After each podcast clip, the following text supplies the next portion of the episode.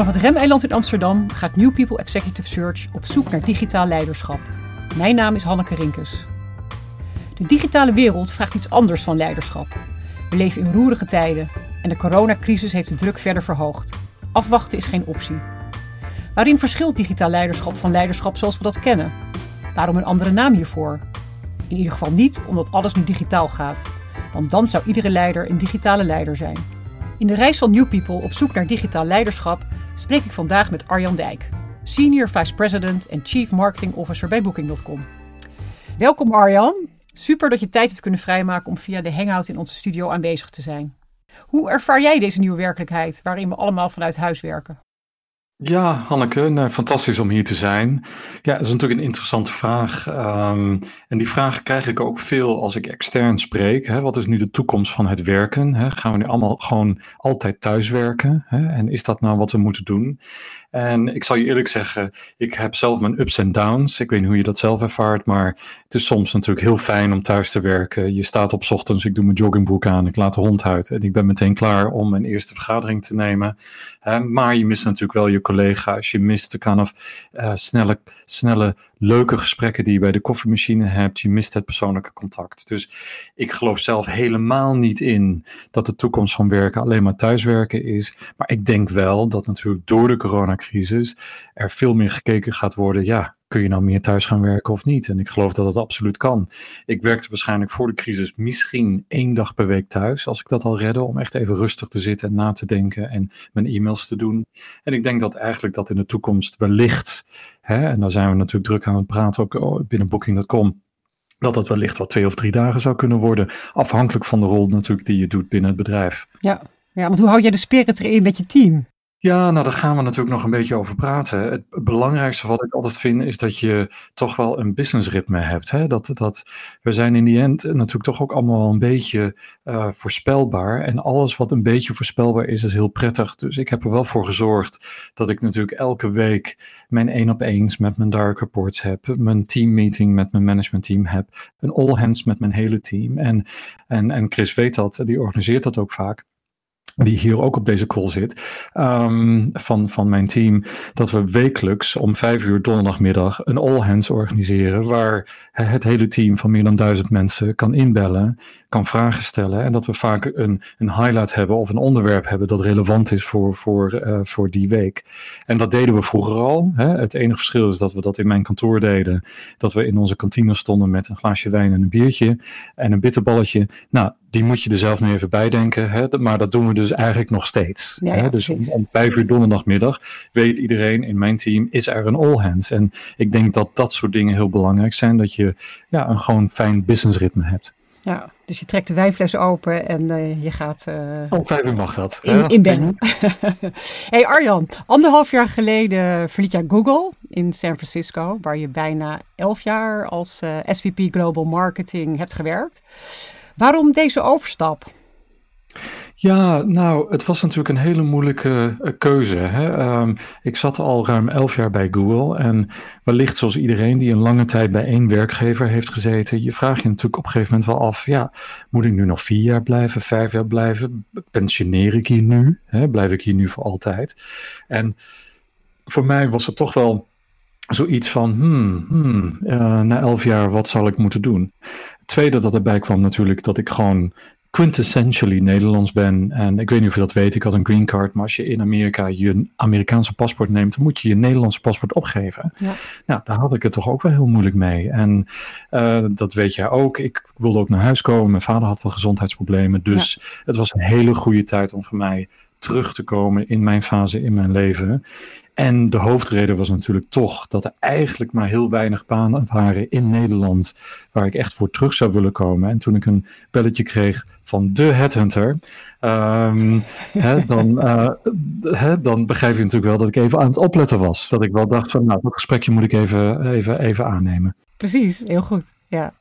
En die, die overstap, um, uh, wat heeft Glenn Vogel jou gevraagd? Hè, wat, wat is de uitdaging die jij aanging? Nou, de, de, de uitdaging is dat Booking.com is natuurlijk een heel mooi merk in heel veel landen in de wereld. Maar er zijn een aantal landen waar we uh, heel hard aan het werk zijn om, om meer populair te worden. Hè, waar we echt meer een, een household brandname willen worden. En de Verenigde Staten is bijvoorbeeld een voorbeeld daarvan. Dus ik heb natuurlijk heel lang in de US gewerkt, ken die markt goed.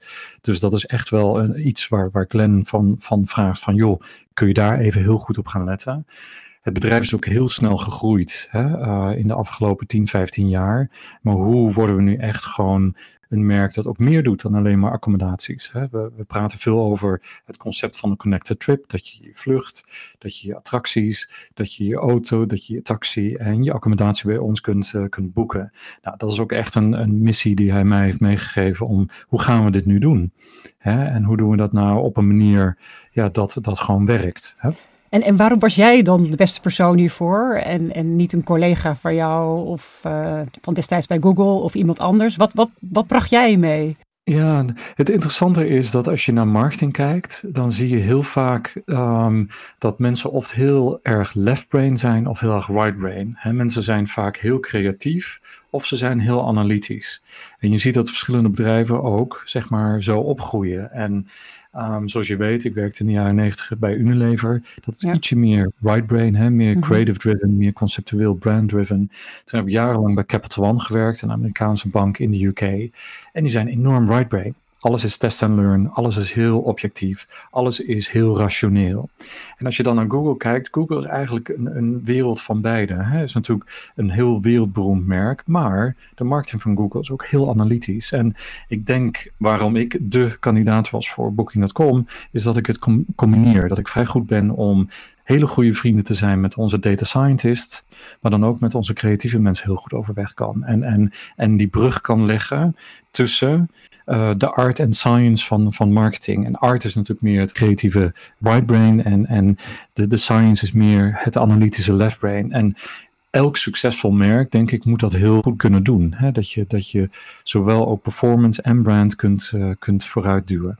Ja, dat is heel mooi. Hè? Dat gaat heel erg over het merk. Maar als je nou kijkt naar, um, nou, je kwam binnen bij Booking. Wat, wat, trof je aan, zeg maar, in termen van het team wat er zat? Uh... Nou, natuurlijk een fantastisch team. nee, ja. nee, zonder gekheid. Kijk, wat je natuurlijk altijd doet, hè, als je natuurlijk een nieuwe een overstap maakt. En neem van mij aan een overstap van Google naar een ander bedrijf dat doe je niet zo snel. Dan moet je echt heus wel zeker zijn waar je naartoe stapt. Ik heb geloof ik drie maanden lang met Booking.com gepraat. Met heel veel van mijn toekomstige teammembers. Ja, en daar zitten gewoon heel veel getalenteerde mensen. Hè. Ik weet niet of je het weet. Maar met name op het analytische vlak en het performance marketing vlak zijn we gewoon wereldleidend. Hè. Daar zijn we gewoon heel erg goed in. Um, ook heel veel goede uh, merkmensen, hele, hele goede PR-mensen eh, hebben we in dienst. En wat ik wel zag, is dat dat een, een, een, kans was om het allemaal wat meer bij elkaar te brengen. Hè? Dat iedereen die was aan het zwemmen in zijn eigen zwembaantjes. Uh, en de, op, de, de kans voor mij was, hoe breng ik dat nou meer naar elkaar toe? Hè, hoe zorg ik er nou voor dat en onze performance marketers en onze brand marketers en onze PR-mensen nu aan één agenda gaan werken? Nou, en ik denk, als ik heel bescheiden een succesje zou moeten noemen, is dat zeg maar mijn, mijn succesje, hè, die, dat ik intern gezien mensen meer bij elkaar heb kunnen brengen. Ja, en hoe heb je dat gedaan? Want wat is het in jou dat je dit hebt uh, ja, gerealiseerd? Ja, dat, dat is toch wel gewoon tijd spenderen met mensen, luisteren. De eerste zes maanden niet te veel meningen hebben. Uh, niet te veel praten hoe het in mijn verleden was. Ik, je hebt het zelf wellicht ook wel eens meegemaakt wanneer mensen altijd praten over hoe goed het wel niet was bij hun vorige werkgever. Heb ik zoiets van, mijn god, waarom ben je er niet gebleven? Hè? Dus, dus um, en toch heel erg wel zitten te kijken, wat zijn nou echt de hele grote krachten van Booking.com? Wat zouden we nou iets kunnen aanscherpen en wat zouden we anders kunnen, kunnen doen? Nou, die weg zijn we ook ingeslagen. We hebben als eerste hebben onze missie uh, aangescherpt. Die hebben we eigenlijk veranderd, uh, waar ik best wel trots op was. Uh, omdat die is veel concreter en veel specifieker geworden. Um, daar hebben we een hele brand personality en brand positioning naar voren gebracht. Nou, die zijn we gaan neerzetten al begin in, in, in Amerika, in het begin van het jaar. Um, maar ja, je weet zelf ook hoe dit jaar is gelopen. Opeens eind februari werd de wereld natuurlijk toch wel even heel anders. Ja. En toen moesten we toch wel even goed gaan kijken, wat gaan we doen? En toen zijn we ook heel flexibel geweest in onze aanpak. En toch al gekeken van ja, uh, land bij land gaan bijhouden wat we wel en wat we niet kunnen doen. En, en toch even weer terug naar uh, uh, het, de drawing board, zeg maar. Ja, ja, dus als ik jou zo samenvat, is dat je zegt: ik heb eigenlijk hè, toch wat silo's aanwezig uh, binnen Booking. Die heb ik uh, doorbroken en ik heb het allemaal verenigd. we hebben naar onze missie gekeken. Allemaal mooie successen geboekt. Je hebt vast ook een fout gemaakt. Nou, uh, natuurlijk niet, Hanneke. natuurlijk maak je geen fouten. Nou, en even over die silo's. Die silo's waren helemaal niet zo erg. Dat geldt in elk bedrijf. Hè? Ja. Dus, dus, um, en dat is ook goed, want dan zijn mensen gefocust op waar ze, waar ze verantwoordelijk voor zijn. Waar ik absoluut niet van hou, dat, dat, dat iedereen zich verantwoordelijk voelt voor alles en voor niks. Hè? Dus, dus je moet natuurlijk wel duidelijke owners binnen een bedrijf hebben van specifieke verantwoordelijkheden. Maar natuurlijk zorgen dat iedereen vanuit eenzelfde strategie werkt en, en dezelfde kant op gaat, is natuurlijk heel belangrijk. Ja, en fouten. Dit jaar heeft Booking.com natuurlijk heel veel kritiek gehad. Hè? Dus, ja. dus uh, we hebben natuurlijk de eerste ronde overheidssteun hebben we, hebben we gehad, uh, voor hele goede redenen.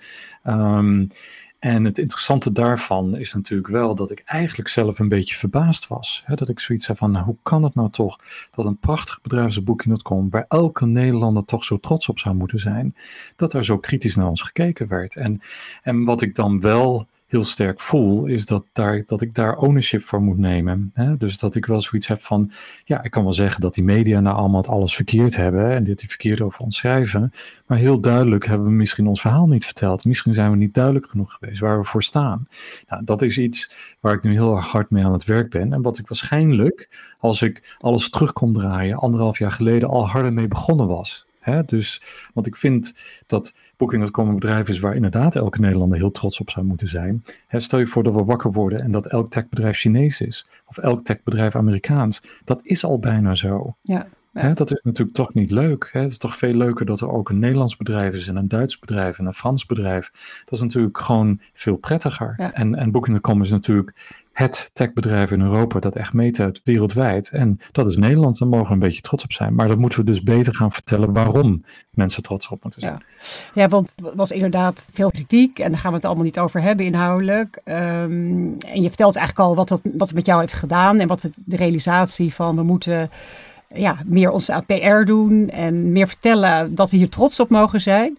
Hoe was dat bij jouw team? Hoe, hoe reageerden zij op, uh, nou ja, ja, en, en trouwens, ik geloof niet dat het alleen maar PR is. Hè? Het is ook gewoon meer laten zien wie je bent. Hè? Dus, ja. dus de, de rol van marketing, zo, zo noem ik het altijd, is accelerating momentum. Hè? Dat is toch wel, en truth-telling. Ik praat altijd ook over, over truth-telling in mijn team. Is dat wij moeten gewoon dingen vertellen aan de buitenwereld die ook echt waar zijn.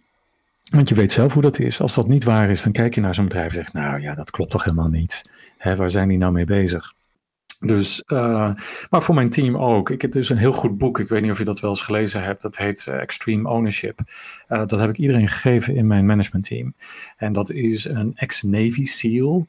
Die dus ja. een, een, boek heeft geschreven. En de subtitle is How US Navy SEALs Lead and Win. Nou ja, dat klinkt allemaal een beetje Amerikaans wellicht. En misschien een beetje over de top. Maar als je het boek leest, dan kan je het echt aanraden dan zit er toch heel veel in. Hè? Als er dingen niet goed gaan of als er dingen gewoon niet helemaal lopen zoals je dat wilt, is dan iemand anders zijn schuld of moet je toch ook wel bij jezelf te raden gaan? En dat ja. is nu toch wel mijn motto. Hè? Dat, dat ja. ik zoiets heb van ja, hè, dat, hier moeten we dus ownership voor nemen. Wat gaan wij doen?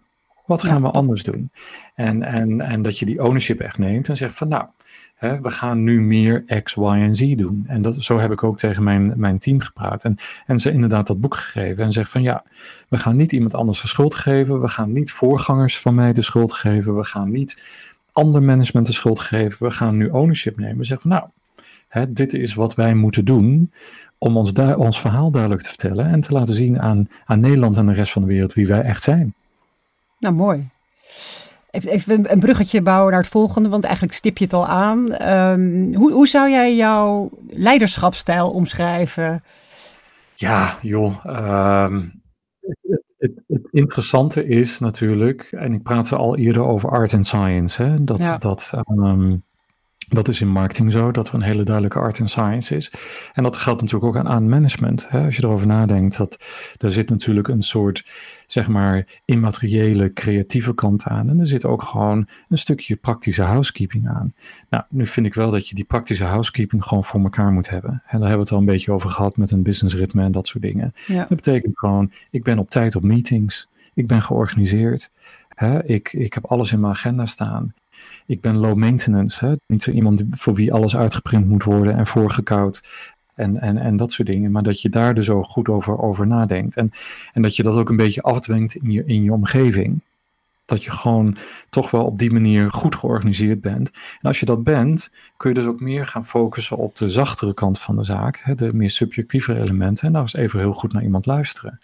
En dat is waarschijnlijk hoe ik mijn leiderschap zou omschrijven. Dat, dat ik mezelf toch wel zie als iemand die een stukje discipline heeft en georganiseerd, maar daarna ook gewoon wat tijd wil besteden aan mensen.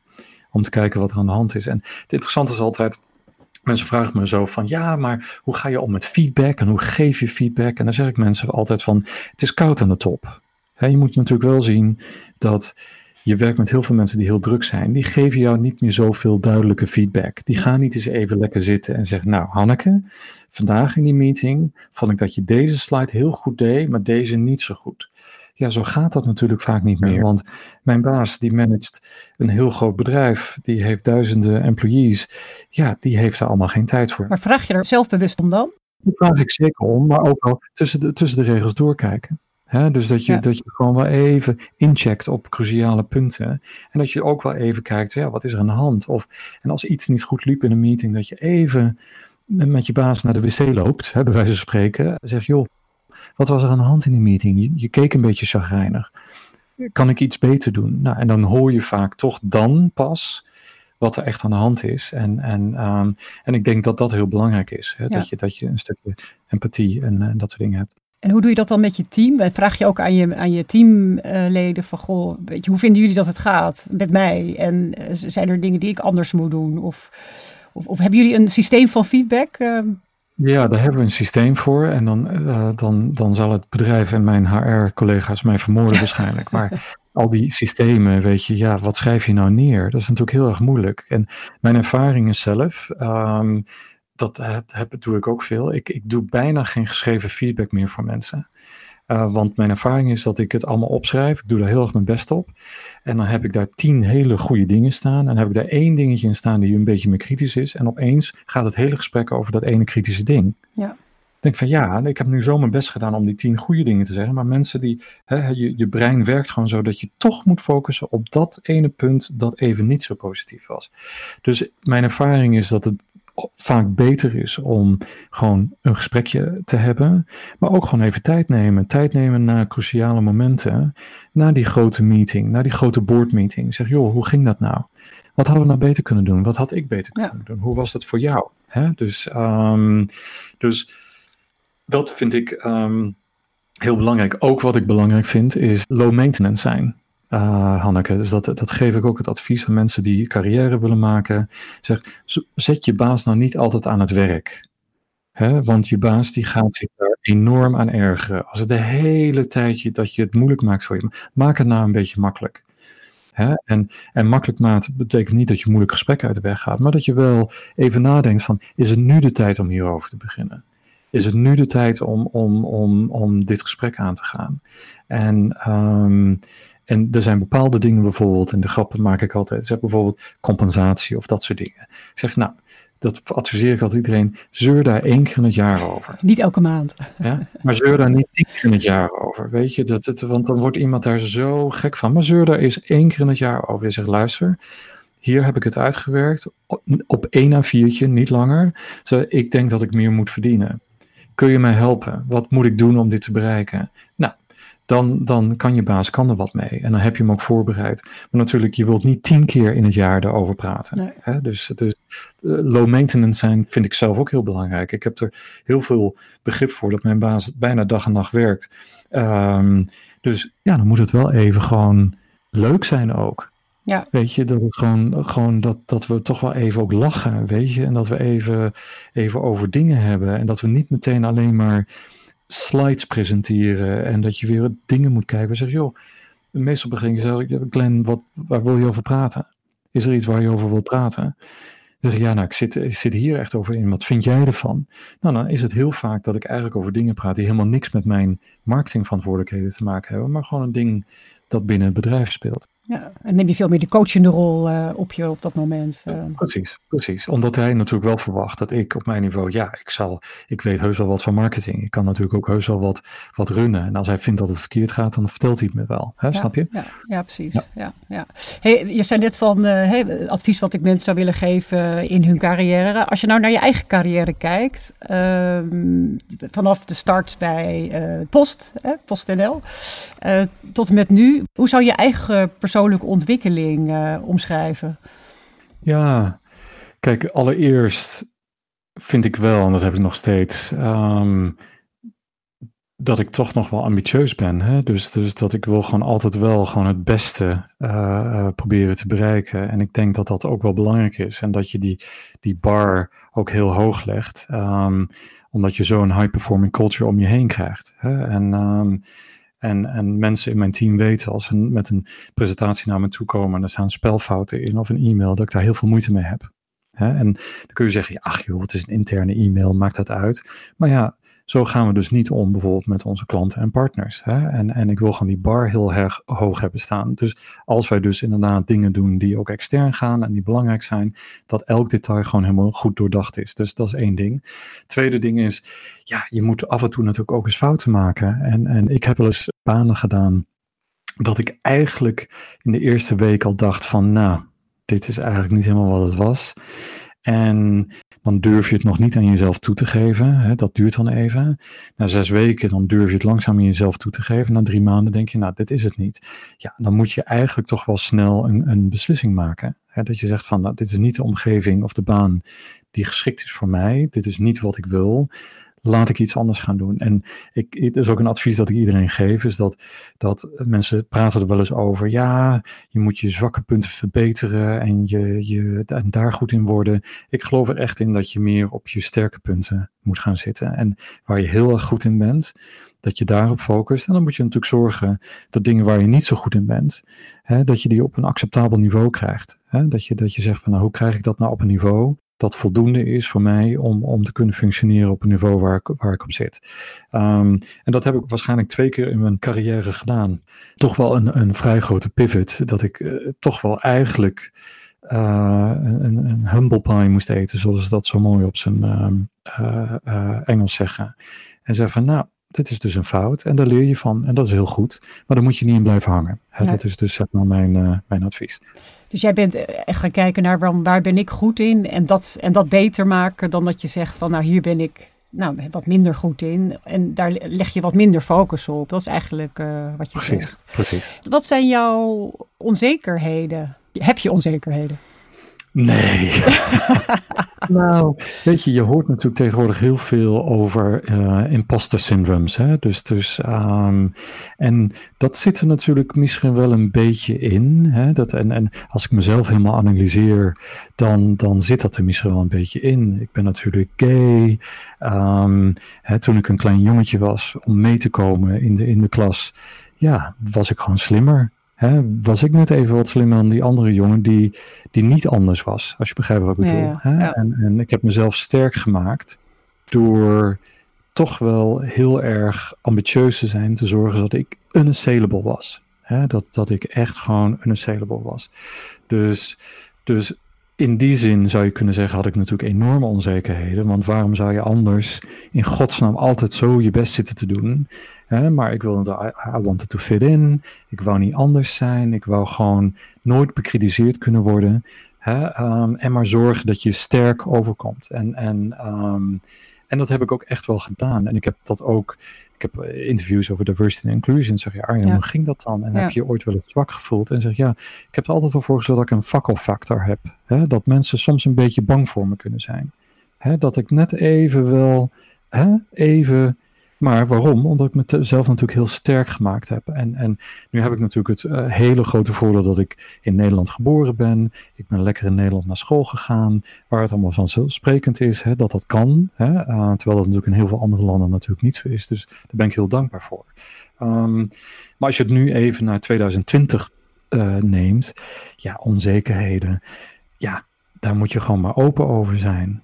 Weet je, dus het beste van onzekerheden, dat weet je zelf ook. Dat je zegt, nou, ik, ik weet het nu echt niet hoor. Of ik vind het zo stressvol, help me even. Ja. en dat je gewoon om hulp vraagt. En, en, um, en als je dat namelijk doet, hè, dat weet je zelf uh, denk ik ook wel, hè, vulnerability. Nou ja, dan zul je versteld staan hoeveel hulp je krijgt. Mensen willen natuurlijk altijd dat je het goed doet. Ik weet nog wel dat ik in, een, in uh, waarschijnlijk 15 jaar geleden moest ik voor het eerst eens voor 3000 mensen presenteren. En dan mijn tijden in Google, ik heb wel in een stadion met, met, met 40.000 man uh, gestaan. Zeggen mensen, nou je bent helemaal niet nerveus, hoe kan dat nou? Ik zeg, ja, nee, maar wat ik heb geleerd is dat iedereen in het publiek wil gewoon dat ik het goed doe. Niemand zit daar nou te denken van, ach, laat hij dat nou eens helemaal verkeerd gaan doen. Nee, mensen willen dat niet. Die willen gewoon dat ik daar een goede job doe. Dus die realisering is heel erg belangrijk. En, en, um, en daardoor uh, krijg je ook veel meer zekerheden, als je begrijpt wat ik bedoel. Ja. Ja, aan de andere kant kan je ook zeggen dat dat, dat jouw aanname is. Hè? Dat je daar staat, dat iedereen denkt van ik wil een high-performing act zien of speech horen. Maar juist als je ook laat zien van jongens, ik ben echt waanzinnig zenuwachtig. Dan maak je het misschien minder moeilijk voor jezelf. Precies. Precies. of ook wel dat je dingen heel moeilijk vindt. Ik heb al wel eens gesprekken op het werk. Zeg, nou, dit vind ik nu echt heel erg moeilijk. En, en ik moet er eerst heel erg over nadenken. En ook dat je in staat bent om te concluderen hè, dat, dat dingen niet helemaal op de rit staan en dingen anders moeten. Ook meetings stoppen. Hè, dat, dat, ik weet niet of je dat wel eens meegemaakt maar sommige mensen die blijven er dan in hangen. Zeggen, nou, we moeten hier nu maar mee stoppen.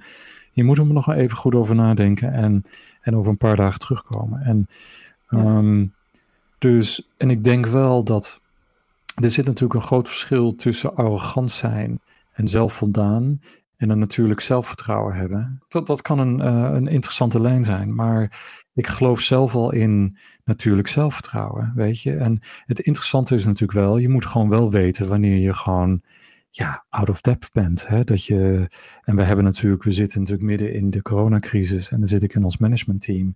Ja, we zitten in een hele moeilijke herstructurering. Ja, natuurlijk luister ik heel goed naar onze chief legal officer wanneer het over uh, bepaalde dingen gaat. Want daar weet ik dus niks van. En je moet dus ook weten wanneer je ergens niet zoveel van weet, dat je dan misschien soms maar af en toe je mond moet houden. Zelfs als je een mening hebt. Ja, mooi. Um, is er iemand die jou heeft beïnvloed in, in jouw carrière? Hanneke, dat ben jij. Dat weet je. Oké, okay, naast mij dan, Arno. Nee, nou, kijk, alles is natuurlijk platgeschreven over het belang van sponsoren hebben.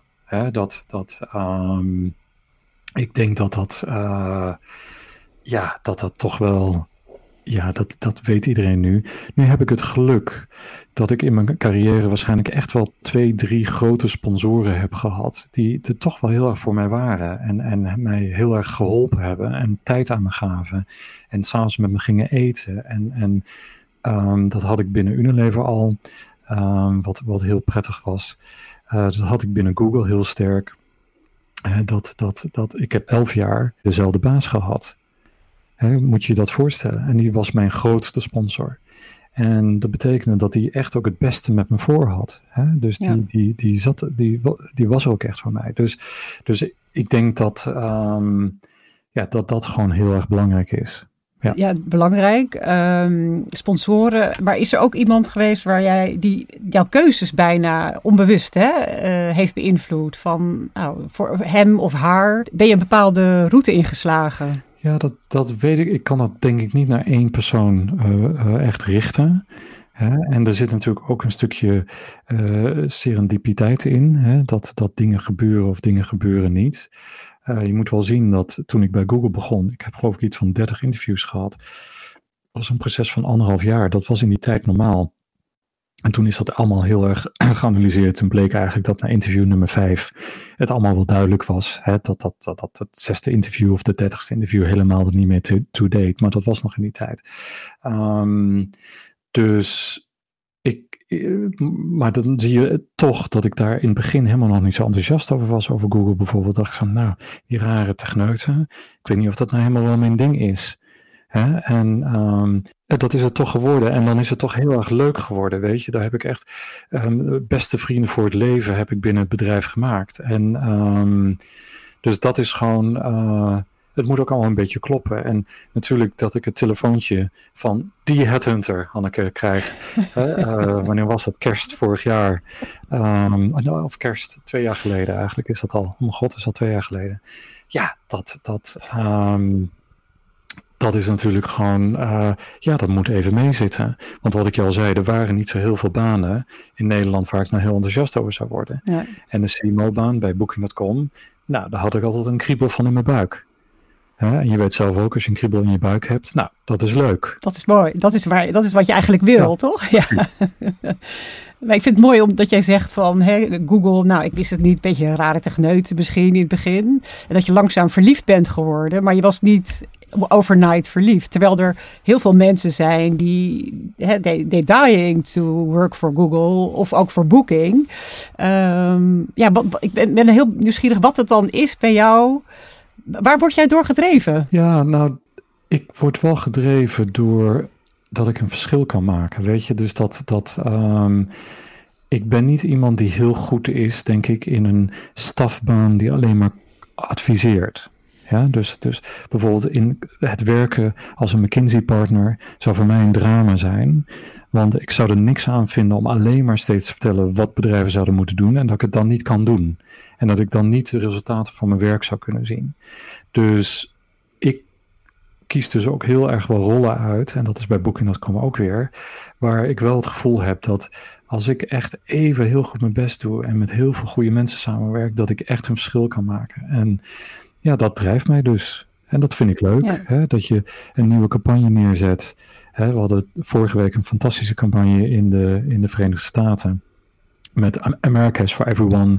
Het was natuurlijk een beetje een, uh, uh, een campagne ja. bedoeld om, om de unity in het land uh, te promoten. Nou, daar was ik super trots op. En dan hebben we echt enorm veel PR gehad en heel veel nationale dagbladen. Nou, dan denk ik, wauw. Wauw, fantastisch. Hè?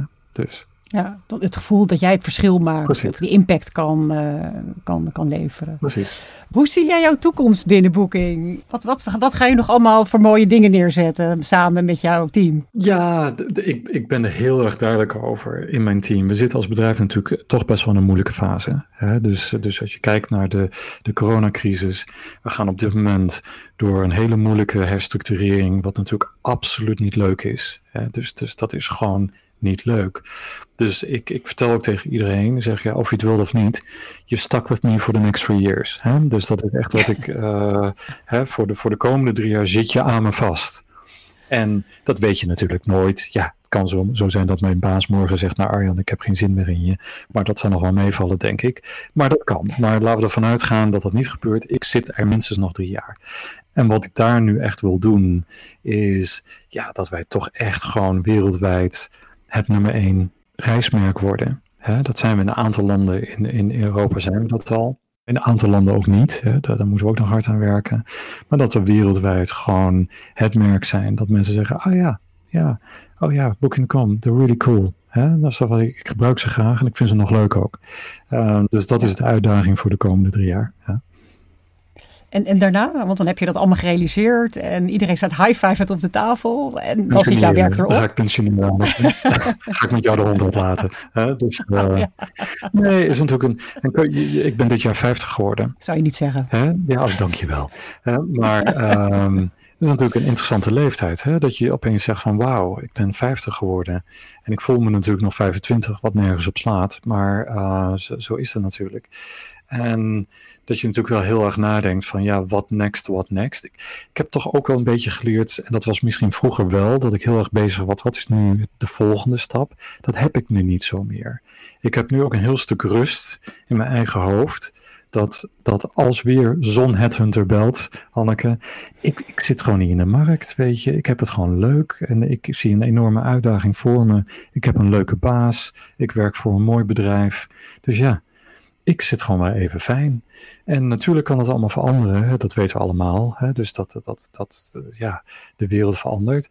Maar dit is hoe ik er op dit moment in zit. Dus ik ben er nog niet heel erg mee bezig nu wat ik nou zou moeten doen in vier, vijf jaar tijd. Ehm, maar gewoon een stuk continuïteit nu vind ik heel fijn. Ik kan me ook voorstellen dat je op een gegeven moment denkt van nou weet je, ik ga veel meer die coachende rol oppakken. Of je hebt natuurlijk zo'n kennis en ervaring en zo'n inspiratiebron kan je zijn voor, hè, voor de jonge generatie. Natuurlijk, uh, natuurlijk. En wellicht dat het daar ergens uh, uitkomt. Ja, op een gegeven moment, kijk, dat, dat is ook natuurlijk wel heel Nederlands, is dat, kijk, heel veel banen zijn natuurlijk totaal niet 9 to 5. Ik werk natuurlijk met ja. heel veel mensen in verschillende tijdzones. Ja, daar moet je een temperament voor hebben. Ik noem dat een temperament. En dat is soms natuurlijk wel eens lastig. Ik, ik moest vorig weekend, uh, zat ik bij mijn moeder en dan moet ik vrijdagavond nog even een call doen. Nou, dan denkt ze echt dat ik gewoon een rare workaholic ben. Ik zeg, ja, maar dat valt wel mee. Als ik wil, kan ik ook wel eens uitslapen. Dat is echt niet zo erg, maar begrijp je wat ik bedoel? Dus je moet wel een beetje temperament daarvoor hebben. En dat is mee, misschien op ja. een gegeven moment dat je zegt van, nou, nu mag dat even wat minder.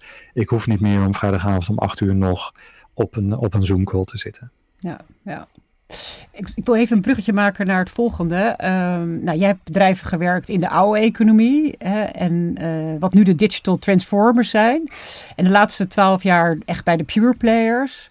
Ik kan me voorstellen dat jij met jouw kennis en ervaring die jij hebt opgedaan bij, uh, bij Google en nu ook bij Booking, heel duidelijk ziet waarom nou, bijvoorbeeld jouw oude werkgevers het heel lastig hebben om digitale transformatie verder te brengen.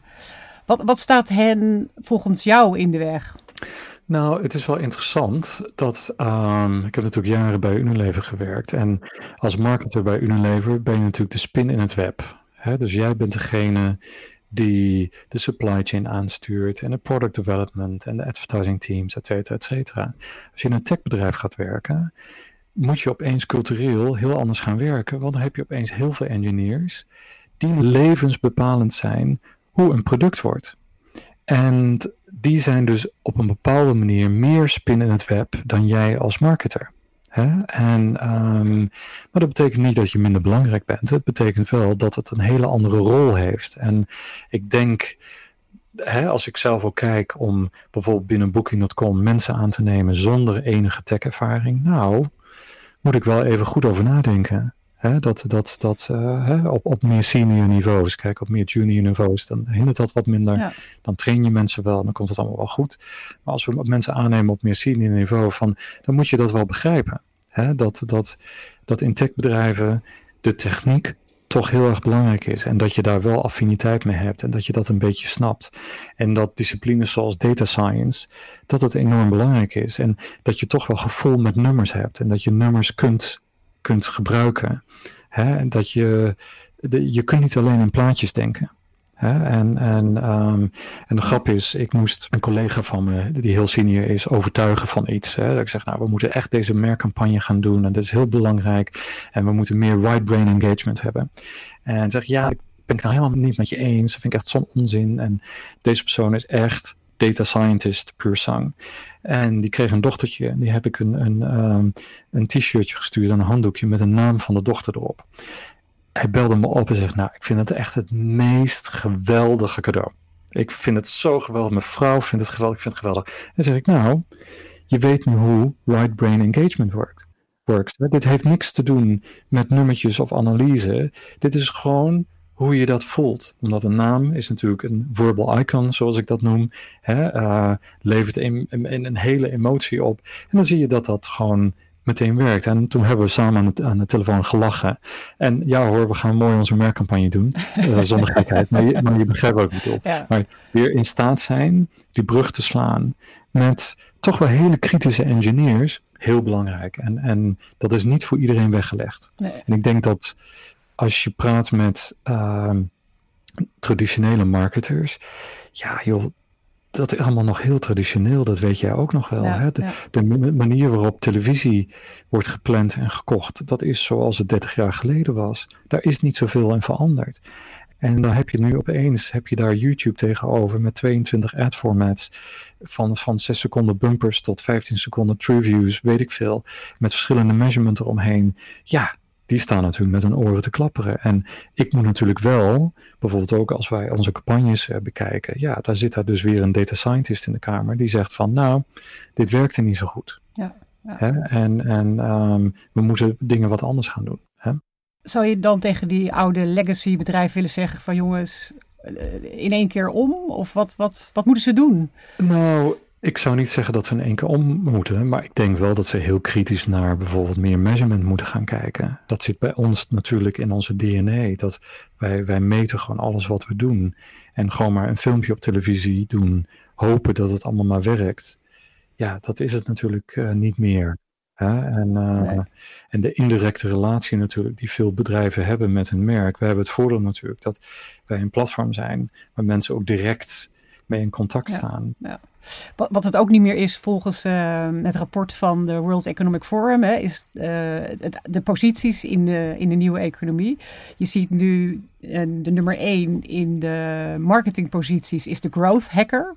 En op nummer 10 staat nu de CMO. Nou, um, dat ben ik nou helemaal niet met je eens, Hanneke. Wat betekent dat voor jou, Arjan? Kan je nu je koffers pakken? nee, maar kijk, je moet natuurlijk wel zien dat je zou mij ook Chief Growth Officer kunnen noemen. Dat is natuurlijk mijn verantwoordelijkheid. Hè? Dus verantwoordelijkheid van het marketingteam binnen Booking.com is om de groei van het bedrijf voor te duwen. Ja, ja, ja. het is wel wat in de name, zeg je eigenlijk. Ja, en dan moet je dus heel goed gaan kijken van wat zijn de knopjes die je kunt drukken. En als wij denken bijvoorbeeld dat er struikelblokken in het product zitten, dan ga je daar dus op, op focussen. Als wij zien dat, onze, dat er een enorme uitval in sign-ups is, in een bepaalde fase van onze funnel. En dat dat nou echt een gamechanger zou zijn. Dan gaan we ons daar dus op focussen. En ik weet nog wel in mijn tijden van in creditcard had je uh, dat je aan moest geven van je aanmelden voor een creditcard hoe lang je ergens gewoond had. Hè? En hadden we de, de phrase in het Engels staan time at address. En daar hadden we dus mensen die er kwart over elf neerschreven. Hè? Dus, dus Um, en dat was een punt waar heel veel mensen uit het proces vielen. Want als ik jou zou vragen, hoe lang woon je al in je huis? Dan zeg je, ja, nou ja, precies, ik weet het niet, maar tussen 1 en 2 jaar weet ik het wel. Dus wat je doet is dat je drop-down boxes doet. Dat je zegt, ah, tussen 0 en 6 maanden, 6 maanden en een jaar en een jaar en meer. En mijn punt daaraan is, dat is ook marketingverantwoordelijkheid. Hè? Dat je dingen gewoon frictionless maakt en makkelijk en easy.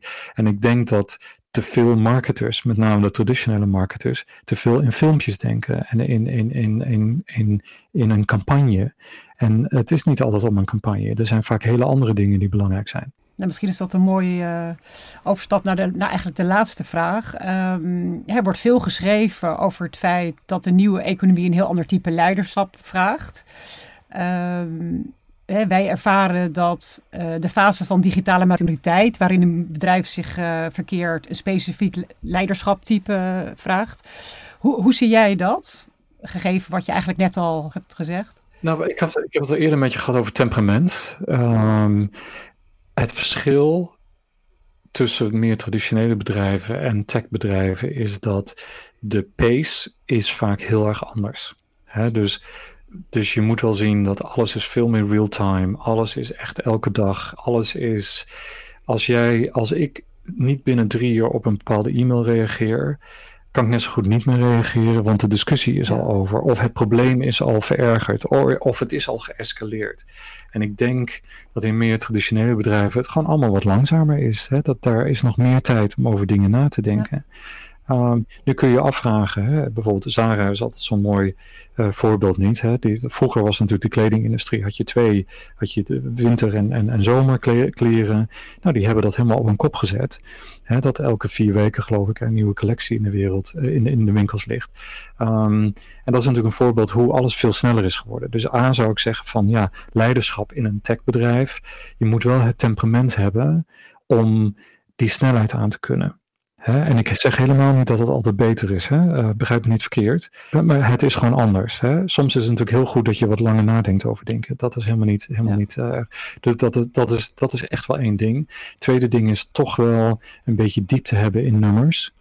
Dat iedereen die de stap wil maken van een traditioneel bedrijf naar een techbedrijf, zorgt dat je een fundatie hebt of fundering in statistiek dat je nummers begrijpt. Dat je, dat je begrijpt als je uh, resultaten krijgt. Dat je met confidence intervals werkt. Dat je alles niet zomaar klakkeloos aanneemt. Dat allemaal dat soort zaken is toch wel, um, is toch wel belangrijk. Waar je nog wel zag dat in de traditionele bedrijven je, je de bestuurders hebt, hè, de mensen die heel goed zijn in processen, heel goed zijn in het runnen van iets, maar eigenlijk inhoudelijk niet zoveel uh, in te brengen hebben. Als ik kijk naar het managementteam van Google en als ik kijk naar het managementteam van Booking.com, daar zitten bijvoorbeeld op het senior niveau allemaal mensen die hele brede vaardigheden hebben, maar ze zijn ook heel diep in specifieke vakgebieden. Hè? En, en, um, en heel diep bedoel ik best wel heel diep. Dus, dus, dus dat, dat, dat onze chief legal officer is heel diep in internationaal recht en heel veel dingen en dat soort zaken. Uh, zie je dat uh, een hoofd van onze business unit is heel diep in, in data science. Um, dus iedereen heeft zowel zijn expertise en zijn. zijn uh, en ik denk dat dat ook belangrijk is in een managementteam, dat iedereen die verschillende ex, diepe expertises toch wel heeft en, en, en, en en, en, brengt. En je hebt zelf ook bij Unilever gewerkt. Een van de mooie dingen van Unilever was hè, dat, ja, daar ging je gewoon een traject door. Hè. Je ging gewoon van assistant brand manager naar junior brand manager, naar brand manager, naar senior brand manager. Het goede is, de algemene directeur van, van, van Unilever, die kan zelf ook nog een campagne runnen. Ja. Gewoon met je poot in de klei hebben kunnen staan. Precies, die, heeft zelf, die begrijpt nog hoe dat werkt. En, en ik denk dat dat nog steeds wel belangrijk is. Ja, ja.